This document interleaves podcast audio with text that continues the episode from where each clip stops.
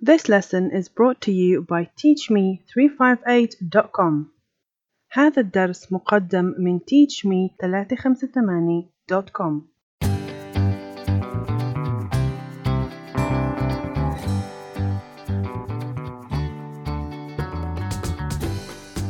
Assalamu alaikum.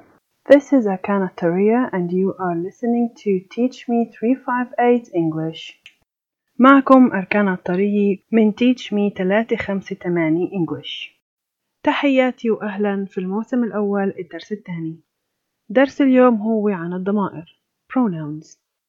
الضمائر في الإنجليزي وفي أي لغة تانية بتيجي عشان تحل محل الاسم في الجملة سواء كان بالحكي أو بالكتابة.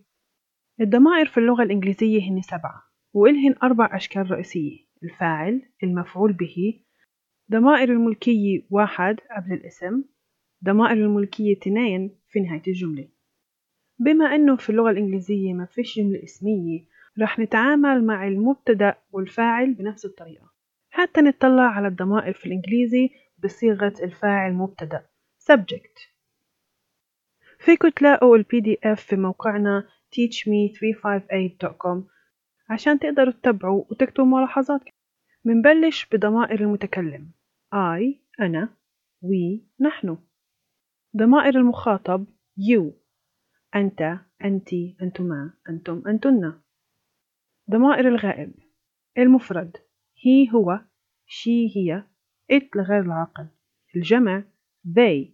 هم هما هن. أمثلة على كيف فينا نستخدم هدول الضمائر.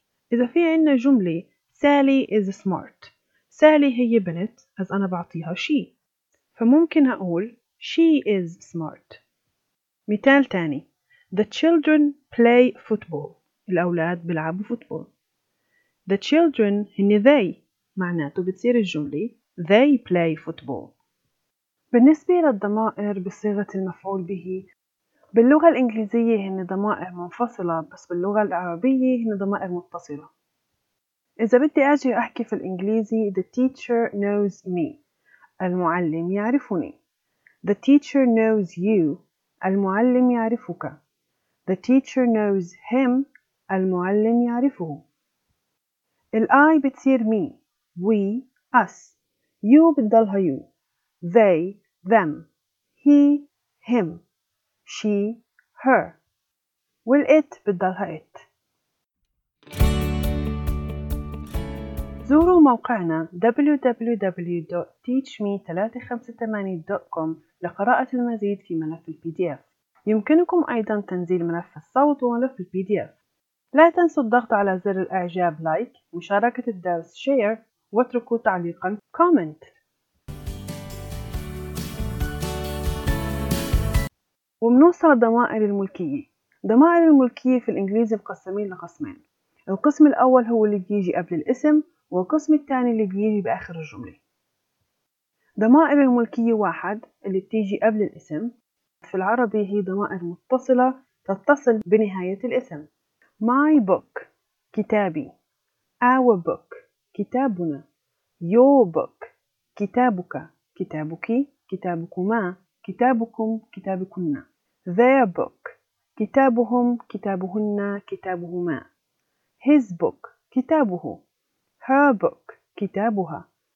بما إنه الحيوانات والجماد مش راح يكون في عندهم كتب فراح نغير ل its house بيتها بيته لغير العاقل وآخر شي ضمائر الملكية اثنين اللي هن الضمائر اللي بالإنجليزي بيجوا في آخر الجملة.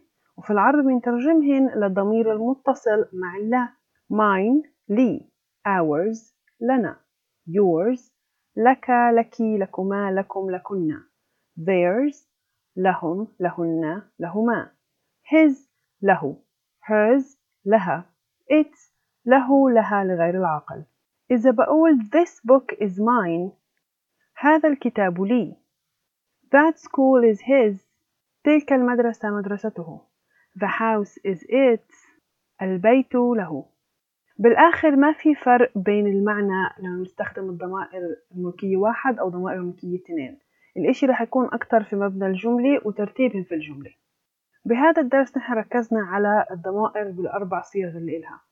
لا تنسوا تقرأوا المواد كلياتها في ملف ال PDF على موقعنا teachme358.com شكرا على إصغائكم يعطيكم العافية وبنشوفكم في الدرس الجاي.